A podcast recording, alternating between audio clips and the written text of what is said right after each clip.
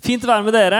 Jeg heter Daniel Aas Brennland. Jeg eh, har jobbet her tidligere som ungdomspastor, mens i år har jeg vært eh, student på heltid. Og nå har jeg bare sommerferie. For jeg har eh, levert min master i Nye testamentet. Og skal begynne som feltprest i Garden 5.9. Så nå har jeg da tre og en halv måned til sommerferie. Det, er, det er veldig deilig. Det er fint. Og Vi skal snakke om den teksten som vi hørte lest fra Lukas kapittel 24. Det, er liksom, det siste som skjer i Lukas-evangeliet, er at Jesus er med sine disipler, med sine venner, og så åpner han deres forstand. Vi kan lese teksten en gang til, hvis vi får den opp. Da åpna han deres forstand, så de kunne forstå Skriftene. Han sa til dem, slik står det skrevet, Messias skal lide og stå opp fra de døde tredje dag, og i hans navn skal omvendelse og tilgivelse for syndene forkynnes for alle folkeslag. Dere skal begynne i Jerusalem. Dere er vitner om dette. Jeg hadde syntes det var, det var, utrolig fint om jeg kunne få oppleve dette her når jeg skrev min master i, i, i Bibelen. da. Å få min forstand åpnet så jeg kunne forstå. Det hadde vært nyttig. Det hadde, vært, det hadde jeg satt pris på. Men eh, isteden måtte jeg jobbe og streve og slite. Ja, det var også veldig fint å få skrive om Bibelen. Men dette her er altså eh, Disiplene får en opplevelse at Jesus åpner deres forstand, så de forstår. Og jeg kjenner med en gang i meg en sånn lengsel etter det samme. Etter å, etter å forstå dette her. At Jesus sier at slik står det skrevet Messias skal lide og stå opp. Men hvor står egentlig det i Bibelen? For jeg har lest gjennom Bibelen minst én gang. Og, der, og, Jeg kan ikke huske å ha sett at det står Messias skal lide og stå opp. Det, det, det kan ikke jeg huske å ha lest. Altså sånn, jeg, for jeg, ja, som sagt, jeg har lest gjennom Bibelen minst én gang. og jeg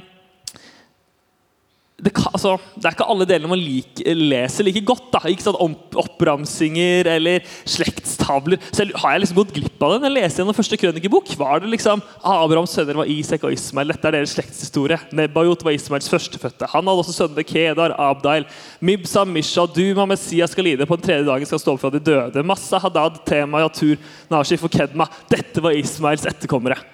Er det der det står? Nei, det er jeg som har tulla litt med Bibelen. Eh, kanskje ikke egentlig lov, men det, det, skjedde. Nei, men jeg lurer på altså, hvor Hvor er det dette står? Hvor er det det står at Messias skal lide? Er ikke vår forstand åpen, siden vi ikke liksom finner det? Så jeg tenkte Vi kunne begynne denne første av tre deler, som blir litt sånn nerdedel, hvor vi går litt inn i liksom bibeltekstene. Si, altså Del to også litt nerdedel. Og del tre av prekenen også nerdedel. Men det, sånn blir det i dag. Men la oss utforske. Eh, og Hvis dere har en bibel, så, så, kan dere bli med dette. her. Det står også noen bibler bak der, noen gule stråbibler som det er mulig å, å, å, plukke opp og følge med hvis dere, dere liker sånt. Bibeltekstene kommer opp på skjermen. Men det er litt artig med biblene våre, for når vi kommer til noe vi ikke forstår, så står det noen fotnoter nederst. Det står noen skriftreferanser liksom, nederst på siden. Så det er mulig for oss å, å se er det når Bibelen refererer til seg selv, når det er en referanse til liksom den, Det gamle testamentet og Nye testamentet, så, så, står det noe om hvor vi kan finne det som blir snakka om. Og Bibelen er full av liksom, skriftreferanser.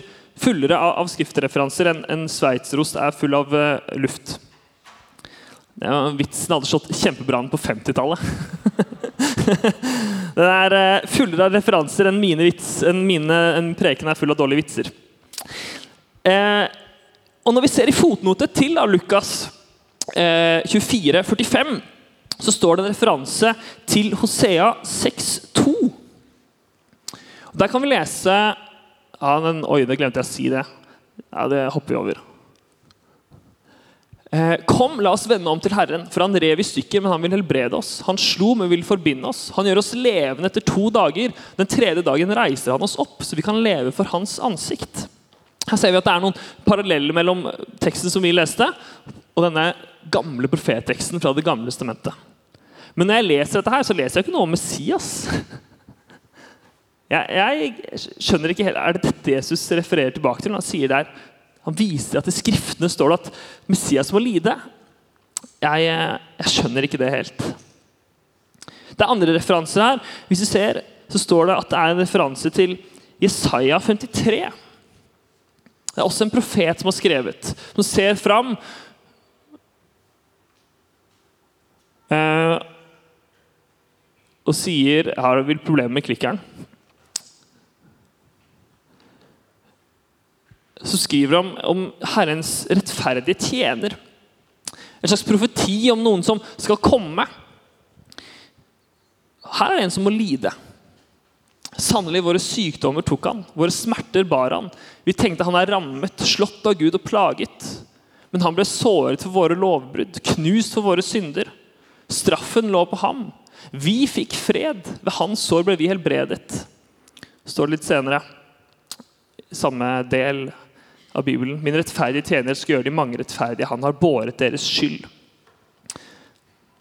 Kanskje når Jesus snakker om lidelse, og Messias må lide, så, så, refererer han til dette. Kanskje var det liksom, man, Når han åpnet deres forstand, så var det dette disiplene fikk lov til å skjønne. Men her står det ikke noe om Messias.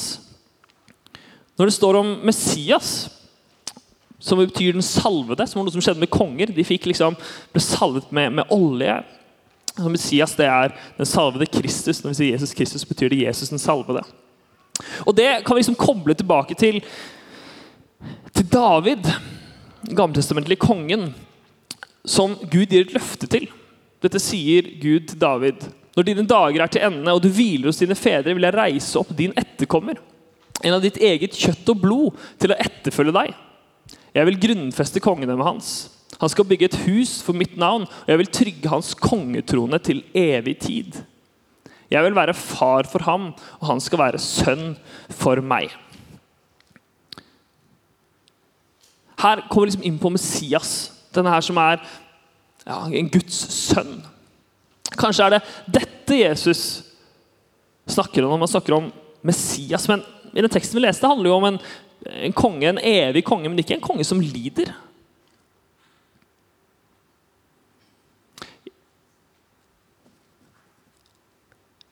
Ja, Vi har lest litt bibelreferanser nå, men ikke noe der det står at Messias skal lide. Det er, det er, liksom, det er litt forunderlig for meg.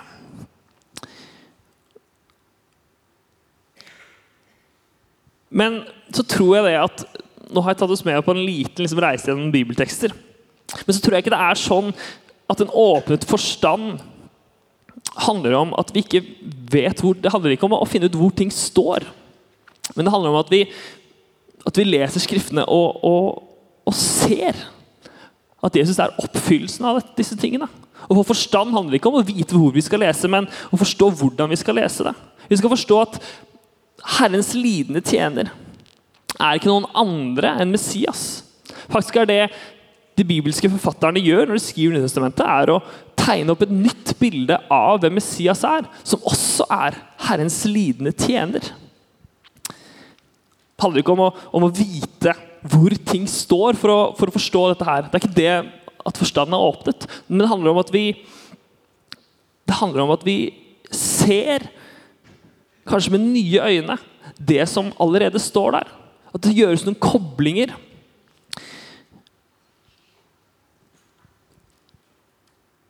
Jeg tror at det som Jesus vil for sine disipler, det han vil for oss, er at de skal se at Jesus er innholdet i løftene som er blitt gitt. Det skal komme en konge som skal ha et evig kongerike. Det skal komme en som tar på seg skylden, som kjenner konsekvensene. Jesus er innholdet i løftene. Han er innfrielsen av forventningene. Jesus er svaret på spørsmålene. Jesus han er fortsettelsen på fortellingen. Og Hvis vi skjønner de tingene, da tror jeg vår forstand er åpnet. Jeg tror kanskje ikke vi helt skjønner hvor liksom, radikalt det Jesus sier, er. Jesus gir jo ikke bare en sånn nøkkel og sier sånn her, dere må bare skjønne at dette står, det som så skrevet var, det sto alltid om meg. Det Jesus gjør, er at han tar det som er liksom sentralt i jødenes liv. Det er deres hellige skrifter. Og sier dette her, det peker liksom fram mot meg. Det som var sentralt i deres liv, det sier Jesus at ja, dette her der plasserer han seg. Det må ha vært eh, ganske vanskelig å, å, å ta inn over seg at Jesus han, det, er, det er han som er oppfyllelsen av Skriftene. Det står at, eh, at Paulus, når han som var en motstander av kirken, møter Jesus på vei mot Damaskus For et syn, for et møte med Jesus. Og så etter hvert så blir han misjonær, men så går det noen år der før han drar ut. Og Da er det foreslått av, av noen bibelforskere at, at, kanskje det var sånn at da brukte Paulus noen, noen år på å ta inn over alt han lærte. Dette må ses i nytt lys av Jesus. For han så ble hans forstand åpnet når han kunne liksom bearbeide hele liksom, sitt livsprosjekt, sin, sin jødiske tro, sitt jødiske liv, i lys av at det skal være rettet mot Jesus.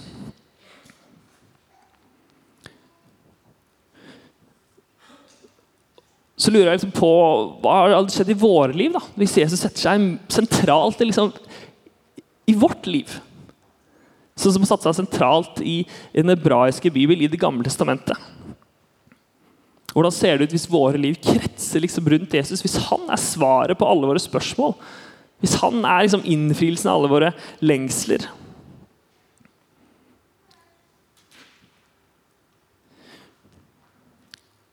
Jeg tror det er eh, et spennende liv. Og så tror jeg det er ja, noe av sannheten. Jeg vil gå over til, til liksom neste del av denne prekenen. Eh, vi skal tilbake til for- og lysbildet. Færre rekkefølge, bare. Hvor jeg vil si at vår forstand er åpen. Og nå har jeg tatt oss litt gjennom litt bibeltekster. Men så vil jeg si at, at jeg mistenker at for de av oss her som er kristne, så, så er vår forstand i stor grad åpnet. Jeg tror at Hvis vi gjør en, en sakte, reflektert lesning av Bibelen, og vi kommer til 2. Samuels bok 7, det som vi hadde på skjermen i stad, hvor det står om en evig konge, så tror jeg at vi vil, litt sånn uten å tenke oss om, tenke at ja, dette her er jo snakk om Jesus. At vi har liksom fått lært kanskje i kirka, da, i søndagsskolen, i prekener, kanskje i bibeltimer, så har vi lært at når vi leser Bibelen, så vet vi at det er et Nytestamentet etter det gamle. At det, på et eller annet punkt så kommer Jesus på banen. Som gjør at Hvis vi leser om en konge som skal være god, så tenker vi ja, det må jo være Jesus. Eller Hvis vi kommer til 5. Mosebok, hvor Moses sier det skal komme en ny profet, så tror jeg kanskje at med sånn kristne briller så vil vi med en gang tenke at ja, men det må være Jesus med denne profeten. Eller hvis vi leser i en salme av de salmene som står i Bibelen, og, og det står om ønsket om frelse. Og de har et håp. Og vi ber disse bønnene. Så tror jeg vi vil oppleve at her er jo Jesus som er objektet. Liksom. Her er Jesus som, som kommer frelsen. Jesus som, som er håpet. Jeg tror at at vi ikke kanskje, Hvis dere liksom da tenker at jeg skulle ønske at min forstand er åpen, så tror jeg kanskje at det er den i stor grad. At Hvis vi åpner Bibelen, så vil vi liksom ligge i oss at ja, Jesus han ja, preger det vi, det vi leser. Han er oppfyllelsen og fortsettelsen. Jeg tror Noen ganger så, så er vi liksom sånn fisk som svømmer i vann, og så glemmer vi hva vann er. At Vi kommer liksom med noen forutsetninger og, og, og, ting som ligger bak, og så kan vi glemme det. Vi kan slutte å se det som omgir oss. Jeg tror vår forstand er i stor grad åpen. Og hvis den ikke er det, så, så kan vi kanskje håpe det skulle skje en sånn der, et klikk, liksom, en bryter som er skrudd på, og så er vi i gang. Men så tror jeg ofte at det skjer gjennom kirka, da, gjennom gudstjenestene, gjennom samtale, gjennom bibelgrupper. Så vil vi kanskje øves dette her. Men min mistanke er at det Jesus ville for disiplene, at når de tenkte på Skriftene, så skulle han være oppfyllelsen. Det tror jeg vi liksom har litt integrert. Det har vi litt i ryggmargen. Og da kan vi fort glemme det. Og Det bringer meg over i å snakke om en bok som jeg har lest. Som handler om litt det samme. Som handler om alle de forutsetningene vi glemmer at vi har. Dette er en bok skrevet av en eh, agnostisk historiker, en som ikke er kristen. En engelskmann som har skrevet masse om, eh, om Romerriket, eh, om gamle sivilisasjoner. Og så, når han leser dette, her, så opplever han at dette her er jo ganske fremmed. Jeg deler ikke liksom, deres verdensanskuelse, disse romerne, disse grekerne. Altså, De, sånn, de feira jo når de hadde slått, en, eh, vunnet og massakrert en by, så var det, det var noe verdt å feire for romerne. Og så kommer det da denne en moderne mann og sier ja, men jeg kjenner meg jo ikke igjen. Hvorfor er jeg så fryktelig forskjellig fra disse kulturene for 2000 år siden? Og Det har han skrevet en bok om, og da er tittelen 'Dominion'. The Making of the Western Mind. Altså det vestlige forstanden. da. Hvordan er det den har kommet til? Og Da sier han at jo, den kommer av kristendom. Av kirken. At den har hatt en påvirkning. At den gjør at vi tenker at, at drap og krig det er ikke en god ting. At det ikke er den sterkestes rett. Det er noe som er i Vesten et resultat av kirkens påvirkning. Det at vi liksom har sykehus At vi tenker at sykehus er en god ting og en nødvendig ting, og noe som staten skal ta ansvar for, og som vi skal betale inn skatt til, det er jo ikke gitt. De hadde jo ikke sykehus i Romerriket. De hadde liksom litt hjelp til, til, veteraner og soldater, men de hadde jo ikke et offentlig sykehus. Og så kom kristne på banen. Og så begynte de å ta vare på svake. Tok vare på de sårbare. Startet barnehjem. Altså Ofre sitt liv for å ta vare på folk når det var pest og sykdom. Og så utviklet jo etter hvert, etter hvert, liksom, eh, etter hvert som Norge kom fram som stat, så tok man over sykehusene. Det er jo mange sykehus som fortsatt bærer eh, kristne navn etter helgener eller, eller, sånne ting. Samme skoler. altså de første grunnen til at vi har liksom sko første skolegangen i Norge, var jo konfirmasjonsopplæring. Man lærte å, å lese for å, for å, kunne konfirmeres. Og så ble dette tatt over. Så vi tenker at dette her er, Selvfølgelig skal vi ha sykehus, selvfølgelig skal vi ha skole. Det er Tom Holland sier det er ikke selvfølgelig. Det kommer av kristendommens påvirkning. Og vi Vi tenker kanskje ikke på det. Vi tenker ikke at 'oi, så sjukt kristent Norge er'. Så veldig kristent Vesten er. Men vi har noen forutsetninger som ikke er romerske, som ikke er greske, men som er dypt, dypt kristne. Det er liksom vannet vi svømmer i. Ideen om menneskerettigheter, f.eks. Det er noe som vi alle er enige om i Norge at er nødvendig at noen mennesker har. Og så tror jeg kanskje ikke vi er klar over at dette her er, det er jo en kristen idé. At det er en verdighet ved hvert menneske, er noe som starter med i, liksom, i Bibelens ord. Når Jesus sier sier f.eks. Eh, at en mann skal forlate sin far og sin mor og gå til sin hustru. De skal være ett, den skal holde seg trofast til henne. Så har mannen en, en plikt overfor sin kone å ikke være, ikke være utro. Å holde seg til henne er en plikt han har. Og etter hvert I, i liksom Europas historie, Vestens historie, så, så, snakker man ikke bare om hvilke plikter man har. Og Hvor kommer pliktene fra? Jo, det kommer av at mennesker har rettigheter. At de har en verdighet en kone har rett til fra sin mann. Eller altså rett til å, å, å ikke bli neglisjert. Rett til mye. Og dette her er en arv som kommer fra kristendommen. Er det da Tom Holland som sier Det er ikke bare jeg som er en eh, kristen forkynner som slenger det ut. Dette her er en agnostisk historiker som, som har gått gjennom og sett ja, men dette her kommer jo fra kristendommen. Og Det betyr at i Vesten i dag så kan vi kanskje som kristne reagere på ting som vi føler er litt imot oss. Og så sier han selv det, selv det de driver med, er ganske kristent. Ta ateisme, f.eks. At man tror på at det ikke er noen gud. Når liksom, romerne inntok eh, Judea eh, og det kom jøder og kristne inn i liksom romersk rike, ble de kalt ateister. For de nekta å tilbe de romerske gudene. De nekta å tilbe keiseren. De var de som ikke trodde på noen gud. Og når kristendommen fikk fotfeste, så drev jo de gikk rundt og sa men disse gudene dere har, det er ikke ekte guder. De liksom fjerna gudene. De sa at elva det er ikke noen, det er ikke noen ånder i elva. Det er liksom avfortrylla hele verden. Eh, og sa det er én Gud, det er én skapergud, det er én som står bak. Eller tre i én som står bak. Det skjedde en avfortrylling, og det, liksom en, det er en sannhet. Vi skal finne den. Så, og Det skjer liksom gjennom kristendommens historie.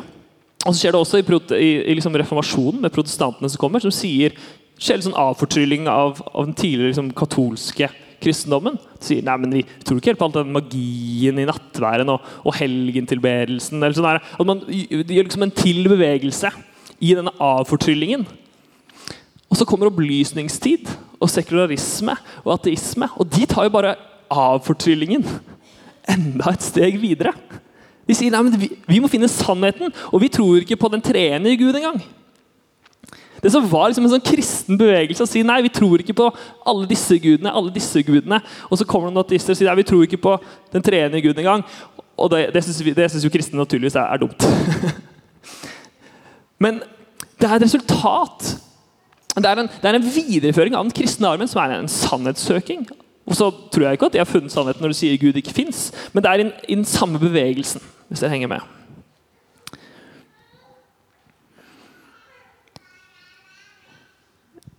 For å ta ja, en litt sånn teit vits, kanskje. Men vi, har dere tenkt på at vi i Norge har liksom en, en nasjonaletiker? Altså En etiker er jo en som tenker på liksom, hva som er rett og hva som er galt. Hvordan er det vi burde leve. Og, og jeg mener at vi, at vi, har en nasjonaletiker. Og Da tenker jeg ikke på liksom, de store, da tenker jeg på Aristoteles, tenker ikke på Platon, tenker ikke på Immanuel Kant. Jeg tenker på Torbjørn Egner, som sier eh, du skal ikke plage andre. Du skal være grei og snill, men for øvrig kan du gjøre som du vil. Og det tror jeg, Mitt inntrykk er at majoriteten av nordmenn tenker det er en kjempebra lov. Vi trenger egentlig ikke mer enn det. Og jeg tenkt liksom, Torbjørn Egner han, han naila det. Han kan vi høre på. Um, og, og, vi, og, vi, har bare tenkt oss fram til at ja, det er sånn her vi burde holde på, sånn som Torbjørn Egner vil. Han er vår nasjonale etiker. Og så glemmer vi at vi svømmer i, i et veldig kristent vann. Vi glemmer at, at de forutsetningene vi har, ideen om menneskeverd, ideen om at vi skal være gode mot hverandre, det er noe som er en kristen arv. Hadde vi vært romere, hadde vi vært romerske, så, jeg, så hadde vi ikke reagert på invasjonen av Ukraina. For de ville sagt, en romer ville sagt å er det en militærmakt som vil hevde seg. Det har de rett til. Selvfølgelig skal de få lov til å invadere. Men fordi vi tenker at ja, det er verdighet ved hvert enkelt menneske, så reagerer man uansett hvilket livssyn man har i, i den vestlige verden, så reagerer man og sier nei, dette går ikke. Denne invasjonen er ikke greit. Og det sier Tom Holland er et resultat av kirkens påvirkning. Og hva har dette med vår tekst å gjøre? Jo, delvis, som jeg sa, at, at vår forstand er påvirket. Vårt sinn er påvirket. Og, og kristendommen har vært utrolig vellykka. Så vi kommer til den siste delen av vår tekst. Eh, nå fikk jeg ikke den opp igjen, men så står det Jesus når han har sagt at Messias skal lide og stå opp fra de tredje dag, og i hans navn skal omvendelse og tilgivelse for syndene forkynnes for alle folkeslag. Dere skal begynne i Jerusalem. Og så står det til slutt dere er vitner om dette. Dere er vitner om dette, så tror jeg det er ganske vanskelig å være vitner om liksom, det kristne budskap i en vestlig verden som i stor grad har kjøpt budskapet. At vi er enige om at mennesker har verdighet. Vi er enige om utrolig mye av det kristen, kristendommen bringer på banen. Jeg tror Vi ønsker jo en sånn derre Jeg opplever at vi hører det at vi må tilbake til urkirken. tilbake til den første kristne kirke, for det var en så stor nestekjærlighet der. At det var en så stor omsorg for andre mennesker. Og jeg er helt enig at det må, vi, det må vi tilbake til. Men det er også her nå. Det at vi har sykehus, er jo, et resultat av et resultat av at nestekjærligheten har fått lov til å prege oss så mye at selvfølgelig skal staten ordne det. Men da er det vanskelig å være vitner fordi så mye av det kristne budskapet er allerede kjøpt. Er, allerede, er vi allerede enige om. Så hvordan skal vi da være vitner i, i, en kultur som er ganske kristen? Uten at den tror på Gud, men så er den preget av, av kristne idealer, kristen etikk eh, og en kristen verdensanskuelse. Hvordan skal vi da være vitner? Når vi ja, svømmer i kristent vann alle sammen, er som fisker. Og Da har jeg lyst til å to, si to ting da, i hvordan er vi, spørsmål om hvordan vi er vitner. Uh, og Det første er at vi kan liksom sette Jesus preg på det vi allerede gjør. At så mye av det vi gjør, kanskje uten å tenke over det, er inspirert av Jesus. Jeg hørte en, en tale av en som er eh, sykepleier, utdannet sykepleier. Ikke sant, Vie livet sitt til å ta vare på, på svake og syke. Og så sa hun at, at jeg, jeg, ønsker jo at Gud skal bruke meg. sa hun denne talen. Og, og Jeg har noen erfaringer at jeg virkelig har sett et annet menneske få lov til å være liksom Jesus inn i deres situasjon. Og så tenkte jeg to-tre ganger. Du er jo sykepleier. Det, det, altså det, du gjør, det du vier livet til arbeidslivet ditt, er jo, er jo kjempevakkert, kjempekristent, kjempe i tråd med hva Jesus ville. Kanskje en måte vi er vitne på, er at vi, ja, vi, skjønner at ja, men mye av det jeg gjør, mye av det jeg tenker, mange av mine verdier, det, det er allerede noe gitt meg av Jesus gjennom en kultur, gjennom kirken, gjennom min oppvekst. Og så kan vi kanskje hvile litt i det, at mye av det vi gjør, det er pga. Jesus. Og kanskje vi tør å sette litt sånn ord på det også. At vi Kanskje når vi betaler skatt, da, på en måte, skal vi være sånn Dette her gjør jeg, for jeg tror det er godt at jeg deler. At alt, ikke, alt som er gitt meg, er ikke bare mitt, men noe jeg skal gi videre. Fyre ut selvangivelse og, og gjøre det på en kristen måte. sånn, eh, jeg, håper, jeg tror det er mulig. Jeg, vil, håper vi kan gjøre det. Hvordan er vi, hvordan er vi vitner? Jo, jeg tror at vi kan sette et Jesuspreg på det vi allerede gjør. Og være litt sånn uredd i å gjøre det. Og Den andre måten det er å, å gjøre som Jesus sier, at, at, Jesus legger fokus på omvendelse. Og jeg tror jo, selv om Vesten ifølge Tom Holland og jeg er veldig enig, er en kristen kultur, så er det fortsatt ting som, som vi kan være uenig i. Fortsatt ting vi kan liksom butte imot. Og jeg tror at Hvis vi kan være annerledesfolket hvis Kirken kan være den som ser ja, men her, dette her er ikke noe som Jesus inspirerer til, da setter vi en stopper. Da unnskylder vi at vi har deltatt i det. Da ber vi om tilgivelse, og vi vender om og vi gjør noe annet. og Vi inviterer folk med i å være annerledesfolket. Være de som reagerer på usunne tendenser, på konsumerisme eller på ja, dårlig moral eller på selvhevdelse eller et sånn jag etter suksess som handler om bare oss selv og ikke til gode for andre.